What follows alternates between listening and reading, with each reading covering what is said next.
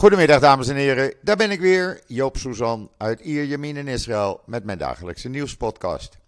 Het weer, want daar ben ik zo mee klaar. 38 graden, strak blauwe lucht, zwak briesje uit het uh, noordwesten en daar moeten we het dan maar mee doen. Vanmorgen om 6 uur toen ik met de hond ging lopen was het al 25 graden. En uh, ja, het wordt alleen maar een paar gaatjes uh, warmer de komende dagen, maar dat is normaal voor de tijd van het jaar. Heeft niets met klimaatverandering te maken. Het hoort er allemaal bij hier in Israël.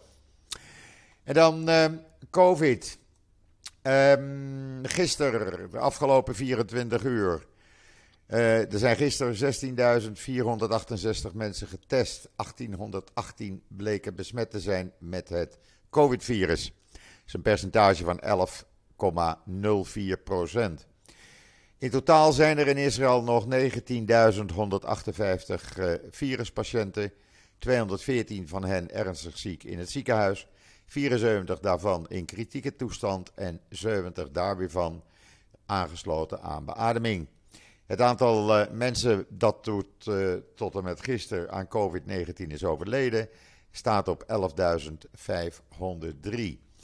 Het neemt dus niet helemaal af, het stabiliseert zich min of meer op dit niveau.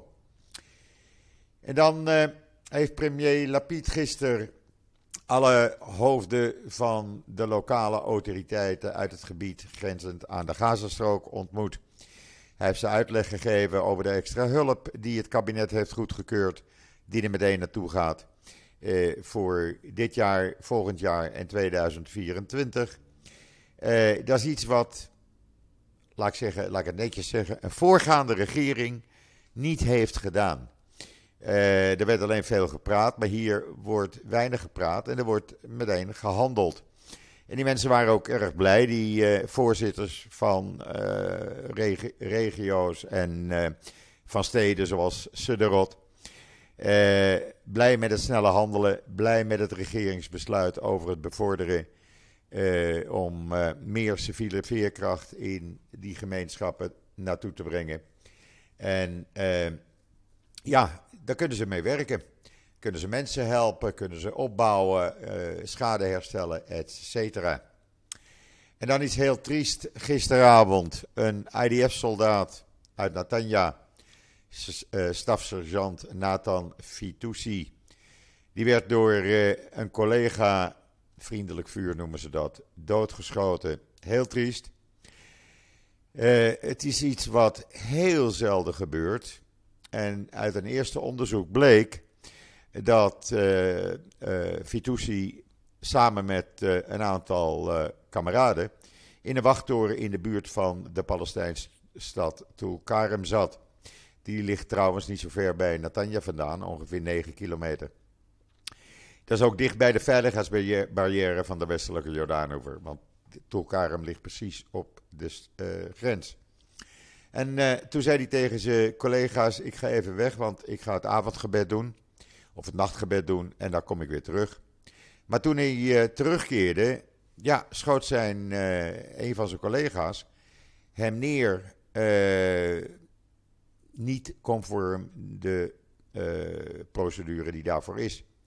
Want uh, ja, normaal als je iemand hoort aankomen, je roept eerst en dan schiet je in de lucht en dan op de benen. En uh, volgens het eerste onderzoek waren er slechts enkele meters tussen Fitoussi en zijn collega toen hij uh, met twee kogels werd neergeschoten en overleed.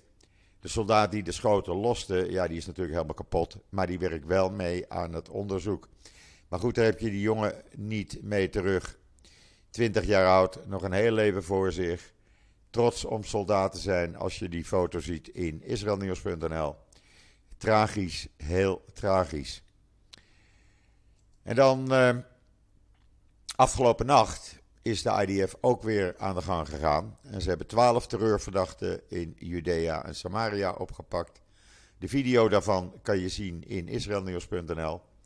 Ze hebben ook wapens in beslag genomen, kogelvrije vesten, munitie, etc. Uh, en dat blijft voorlopig uh, doorgaan. Men stopt hier niet mee. Men wil de risico's op uh, terreuraanslagen zo klein mogelijk gaan houden. En dat betekent dat je ja, de mensen die je op je lijst hebt staan, die moet je oppakken en kijken wat ze, waar ze mee bezig zijn voordat je ze weer vrijlaat. En dan de inflatie in Israël. Het is met 1,1% gestegen, wat de jaarlijkse inflatie, dat was in de maand juli, de jaarlijkse inflatie brengt op 5,2%. Ja, ik weet het. Het is minder dan de helft van in Nederland. En veel, ja, ook minder dan de helft van het gemiddelde in de OESO-landen, waar het rond de 9,5% ligt. Maar goed, voor Israëlische begrippen is dat hoog. Opvallend is, de prijsstijgingen die uh, waren voor vers fruit, 8,5%. Uh, transport, openbaar vervoer, 3,3%. Huisvesting opnieuw met 1,2%. Cultuur en entertainment met 1,2%. Maar de prijzen van kleding en schoenen zijn gedaald met 4%. Uh, ehm, wat wel merkbaar is nu, uh, voor het eerst in 10 jaar is er in een jaar tijd, van juni 2022, uh, 21 tot juni 2022, de huizenprijzen met maar liefst 17,8% gestegen. De bouwkostenindex die steeg met een half procent. Uh, waarmee de bouwkostenindex in de afgelopen 12 maanden met 6,8% is gestegen. Ja, dat uh, ziet er voor de bouwmarkt niet rooskleurig uit, want ondertussen gaat de rente ook omhoog. Want verwacht wordt dat komende maandag de Bank van Israël opnieuw met minstens een half procent, of misschien zelfs meer, de rente gaat verhogen. Die hebben ze de afgelopen maanden al verhoogd. Staat nu op 1,25% sinds, 1 juli, sinds juli. En die zou dus op 1,75% of misschien 2% terechtkomen. Dat ziet er voor die bouwmarkt niet goed uit. En die huizen die moeten dus gewoon dalen. Ook voor huurders eh, ziet het er niet eh, gezellig uit. Want er zijn huurstijgingen gemeld tussen de 3,5 en 7 procent. Hier is geen limiet in Israël. Veel huizen zijn in uh, handen van particulieren. En dat betekent uh, ja, dat je dus met je huurder in overleg gaat en een voorstel doet. Zo is het bij mij gegaan. En uh, ik moet zeggen, hij was alleszins redelijk. meer dan redelijk zelfs, want hij had de afgelopen drie, vier jaar de huur niet verhoogd. Maar ja, aan de andere kant, alle mensen in Israël die van de euro moeten leven, die hebben een groot probleem. Omdat de shekel zo sterk is en die euro hier al Donald Duck eh, money wordt genoemd. Ja, echt, ik hoor het op de televisie, ik lees het in de kranten, Hebreeuwse kranten. Uh, men noemt het Donald Duck money. Men heeft er geen enkel vertrouwen in.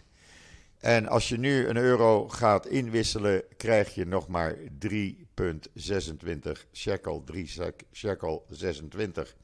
Als je nagaat dat die een half jaar geleden nog rond de 3,90 stond, dan kan je nagaan dat op elke euro leg je nu weer 70 uh, uh, agerot toe, bijna een shekel. En dat, uh, dat tikt aan, dat merken we. En dat betekent dus iets zuiniger aandoen. En dan een nieuwe hoortechnologie. Die past uw apparaat aan uw oorafdruk aan. Ja, het zal geen Israëlische uitvinding zijn natuurlijk. En die is het ook. Van Tomer Shore. Uh, en die, uh, ja, die vergat toen hij uh, in het leger zat per ongeluk een keer zijn oordopjes. terwijl hij ging schieten met zijn geweer. Hij ging oefenen. En zijn gehoor werd beschadigd. Hij herstelde wel. Maar uh, hij wilde, ja, uh, na de tweede keer toen het gebeurde, was de schade permanent. En toen wilde hij er toch iets tegen doen. Nou, hij is gaan denken en hij heeft iets uitgevonden. En wat hij dan uitgevonden heeft, dat zijn dan uh, oordopjes die voor iedereen individueel apart in te stellen zijn. Gehoorapparaatjes die zich richten naar de wijze van uh, hoorbeschadiging en de frequenties doorlaten op een manier zoals voor jou geschikt is. Lees het hele verhaal Het staat in israelnieuws.nl. Je kan ook een gehoortest doen bij hem via de smartphone. De link naar zijn bedrijf staat in het artikel. Als je dat gelezen hebt, dan zeg je: hey, die wil ik ook hebben. Uh, hij, ja, de financiers staan bij hem in de rij. Hij heeft net weer 25 miljoen dollar gekregen. Er staat een link in het artikel. Klik erop en dan ben je weer helemaal bij. En dan, wat hadden we nog meer? Ja, we hadden nog veel meer namelijk. Want, even kijken, ja, hier heb ik hem. Er was een Spaanse band, een rapband. Nou heb ik het daar niet zo op. Die kwam uit Barcelona. Die heet Tribade. Ik had er nog nooit van gehoord. Misschien jullie wel. Die vonden het nodig tijdens een prestigieus muziekevenement, festival in Hongarije, om de Israëlische vlag te gaan besmeuren, de, op te gaan schrijven op het toneel. Uh, Free Palestine, fuck the Jews, et cetera, et cetera. Videootje in de Times of Israel.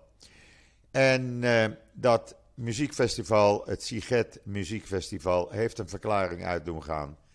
Waarbij ze de het optreden van deze club Tribade veroordelen. En zeggen zij komen hier nooit meer. Ze zijn niet meer welkom.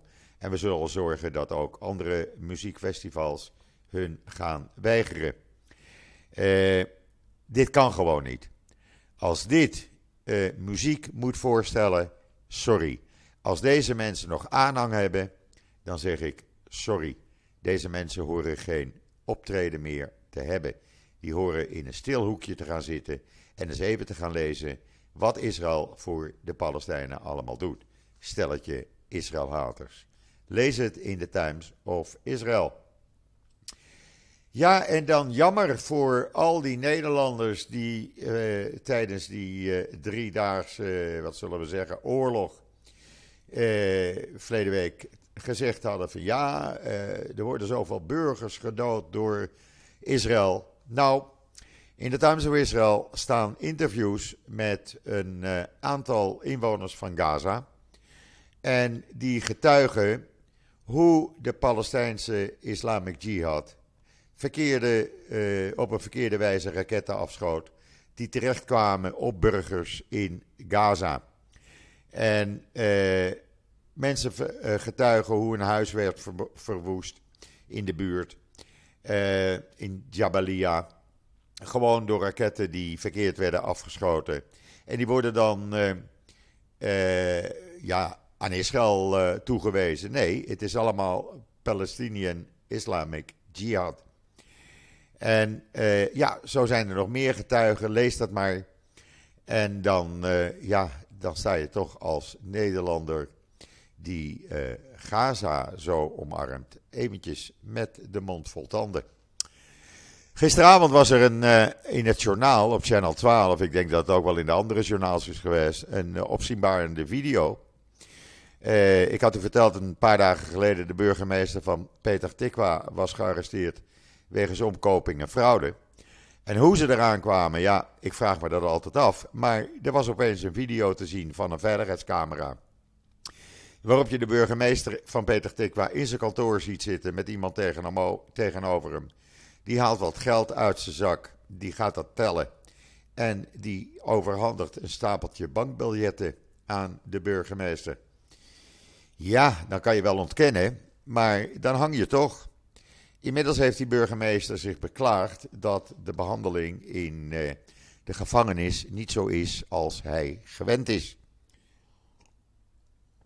Ja, dat is dan jammer.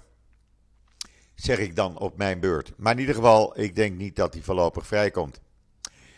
Uh, en dan het Hoge Rechtshof van uh, Israël heeft uiteindelijk geoordeeld in het voordeel van de ultra-orthodoxe familie.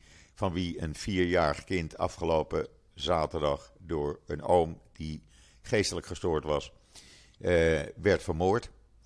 Uh, ja, hij werd geburgd door zijn oom. Waarom, weten we niet.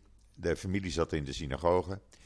En daar wou de politie autopsie op plegen. Nou, daar waren, waren grote rellen over. Ultra-orthodoxen die pikten dat niet, dat mag niet. Volgens hun strikte uitoefening van het Joodse geloof. En dat hoort ook eigenlijk niet. Maar goed, het wordt altijd toegestaan. In ieder geval, het Hoge Rechtshof heeft gezegd: nee, je moet uh, de wet eerbiedigen. Geen autopsie. Het kind mag begraven worden. En dan uh, in Engeland. Uh, daar is ja, men tot de conclusie gekomen, zegt de toezichthouder, dat het nieuwe uh, Moderna-vaccin, wat ook werkt tegen Omicron-bijwerkingen, die mag worden gebruikt. De Engelsen zijn de eerste die het goedgekeurd hebben. Ik weet niet wanneer het in Israël goedgekeurd uh, wordt. We wachten het af. We horen het wel. Uh, we zien het wel. En dan een hoofdartikel van de hoofdredactie van de Jeruzalem Post. En die zegt: De Palestijnse reactie op terreur tegen Israëli's laat zien waarom vrede onmogelijk is. Ja, daar kunnen ze wel eens uh, gelijk mee hebben, want men is nou niet echt vredelievend. Uh, als Palestijnen, Palestijnse terroristen uh, een zwangere vrouw neerschieten, onschuldige mensen bij de klaagmuur neerschieten en dan de Palestijnse leiders daar amper op reageren. En uh, ja, niet eens daartegen tekeer gaan. En het alleen maar met een argument komen van ja, Israëli's doden ook Palestijnen. Ja, maar hoeveel, Palestijnse, uh, hoeveel Palestijnen doden Israëlische burgers gewoon uit terreur? In ieder geval een heel interessant artikel wat ik aanraad het te lezen. En dan jammer, maar helaas, het blijkt niet waar te zijn volgens Hamas-bronnen. Er circuleert op social media een bericht dat uh, Hamas-medeoprichter Mahmoud al-Zahar zou willen aftreden, ontslag had genomen en de Gazastrook had verlaten. Nou, jammer genoeg, het blijkt niet waar te zijn, zegt men nu. Ik heb het nog niet uh, uit andere bronnen gehoord.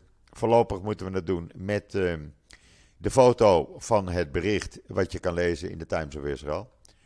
Uh, misschien treedt hij wel af. Laten we het hopen. Als dan de rest ook aftreedt, dan zijn we zo van dat hele zootje af.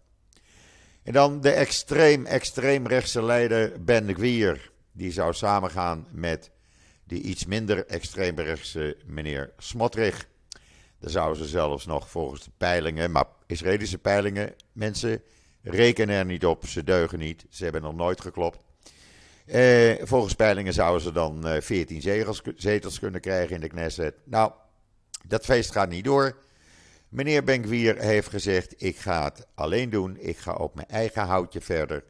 Ik kan het niet eens worden met Smotterig. Smotterig gisteravond bijna huilend op televisie. Oh, laat me toch niet in de steek. We hebben nog een maand om overeenstemming te bereiken. En dan, dan trekken wij samen alle extreemrechtse stemmen. Nee, zegt uh, Benkwier. Ik uh, ga alleen mijn extreemrechtse uh, partij groot maken. Nou, dat weten we dan ook weer. Alhoewel, het is Israël. Het kan altijd nog veranderen, geloof mij. En dan heel triest. Een Israëlische man was met zijn vrouw en twee kinderen op vakantie in het uh, uh, schiereiland Sinai. En ging in een uh, meer zwemmen, het Nuwaiba-meer. En verdronk voor de ogen van zijn vrouw en kinderen. Ze hebben hem nog geprobeerd te redden, te redden, maar het is helaas niet gelukt. Heel triest allemaal. En dan een analyse in Ynet. Ja, je moet het toch allemaal bijhouden. Ben je geïnteresseerd in de politiek hier in Israël, die iets heel speciaals is? Dan moet je maar even lezen, die analyse. Eh, want ik vind hem wel een goeie. Ik had hem al gelezen in de Hebreeuwse Ynet. Want die alliantie van voormalige IDF-chefs die bedreigt, die kan een grote bedreiging zijn voor de terugkeer van Netanyahu als premier. Want Lapid, die nu met zijn vriendje en ook voormalig IDF-chef Eisenkot is samengegaan, samen met uh, Gideon uh, Saar, die, die zouden wel eens een, een van je welste kunnen zijn. Vooral als zij ook nog eens een keer de vakbonden, wat ik gisteren al uitlegde, achter zich krijgen. En dat zou zomaar kunnen. Stel dat de huidige regering, waar uh, Saar en Gans deel van uitmaken, met de onderwijzers tot overeenstemming komen voor, eh, voor 1 september, dan beginnen de scholen weer. Ja, dan zou het uh, wel eens zo kunnen zijn dat ja, mensen meer vertrouwen in deze club gaan krijgen en zeggen, nou laat die club lekker zitten met Lapiet erbij. Dan hebben we een goed stel. Ze doen het goed, ze praten weinig, ze doen veel. We zullen het gaan zien. Uh, is de opvolger als IDF-chef geweest van uh, Benny Gans. Daar komt ook bij dat Matan Kahane, een voormalige generaal bij de luchtmacht, bevelhebber van de helikopterdienst onder andere, maar ook gezeten met Bennett in de Matkal, onder, de zoon, gediend onder de zoon van mijn zwager Emmanuel Moreno, die in 2006 gedood is. Uh, Kahane die gaat ook bij Gans. Dan krijg je dus drie militairen, drie hoge militairen, die uh, van wanten weten. We gaan het meemaken. We zullen het gaan zien binnenkort. Het wordt heel spannend om het te volgen, in ieder geval. En dan, de onderhandelingen zijn ver gevorderd, maar het zou zomaar kunnen dat binnenkort voor het eerst na 15 jaar Israëlische vliegtuigen weer naar Istanbul en Ankara, Ankara kunnen gaan vliegen. Die, uh, die vliegen daar al 15 jaar niet meer naartoe. Er is toen bonje geweest, toen uh, met dat schip in 2009 of zo, 2010. In ieder geval, de onderhandelingen zijn heel ver gevorderd en uh, binnenkort El Al, Arkia en Israël weer te zien op de luchthavens in heel Turkije. Want nu is het een uh, zakkenvuller van je velste voor Turkish Airlines. Want uh, ja, die vliegen dan naar Turkije toe. En uh, ja, is de enige mogelijkheid eigenlijk. En dan brigadier-generaal Amy Plant is overleden, veteraan uit de Yom Kippur-oorlog, 71 jaar oud. Hij eh, was tankcommandant en toen bijna de hele tankkolonne was vernietigd, kon hij de rest eh, overtuigen om eh, op post te blijven. En zijn ze blijven vechten en hebben ze de Syriërs teruggedreven. Het hele verhaal te lezen in Jeruzalem Post vanmorgen. En dan is men bezorgd dat uh, buitenlandse cyberdreigingen en zelfs buitenlandse interventie, en daar denkt men aan China, Rusland en Iran, die zouden wel eens een rol kunnen gaan spelen bij de komende Israëlische verkiezingen. Dus men probeert er alles aan te doen om die verkiezingen zo veilig mogelijk te houden. En dan hebben soldaten gisteren drie Palestijnen opgepakt die handelde in antiquiteiten. Nou, dat is hier sowieso al verboden. Maar daar kwam bij dat die handel allemaal gestolen was. Eh, er waren zeldzame archeologische fondsen die ze gejat hadden. Eh, ter waarde van honderdduizenden shekels. Dan hadden ze ook nog voor privégebruik wat wapens in hun huizen. En uh, ja, wat hebben ze gevonden? Nou, onder andere voorwerpen zoals munten, stenen deuren uit de Romeinse en Byzantijnse periode, oude werktuigen uit de ijzertijd en de 7e eeuw. Ja, uh, dat mag niet en wat niet mag, moet je niet doen. En ja, dan ga je dus verschut. Nou, deze gaan dus verschut. Zitten voorlopig dus eventjes achter slot en grendel. Dan weet u dat ook weer. Wil je antiek kopen? Je kan het gewoon in winkels kopen. Je hoeft daar niet voor met zwarthandelaren in zee te gaan. Goed, dat was het uh, eventjes voor vandaag. Ja, ik heb gisteravond iets uh, nieuws uitgeprobeerd. Uh, ik heb nu ontdekt hoe je. Ja, Joop is niet zo snel soms hoor. Ontdekt hoe je dus iets op Instagram kan zetten. wat eigenlijk er niet op kan. Dat is dus een YouTube-filmpje. Dus mijn uh, zaterdagavond talk staat nu ook op YouTube. Ik ben nu bezig om te kijken om de podcast ook op uh, Instagram te zetten. Want uh, mijn vriendje op Heilbron zegt: Joop, Instagram is vele malen belangrijker dan Facebook. Nou, daar moeten we dus ook aan sleutelen. Dus Joop is nog wel even bezig. Heeft iemand een idee hoe je dat doet? Ik heb Podbean al gevraagd om mij te assisteren, maar ik heb nog geen antwoord. Weet iemand van jullie het? Dan hoor ik dat graag. Dit brengt mij tot het einde van deze podcast. Ik wens iedereen nog een hele fijne voortzetting van deze dinsdag, de 16e augustus alweer. Ik ben er morgen weer en zeg zoals altijd: tot ziens, tot morgen.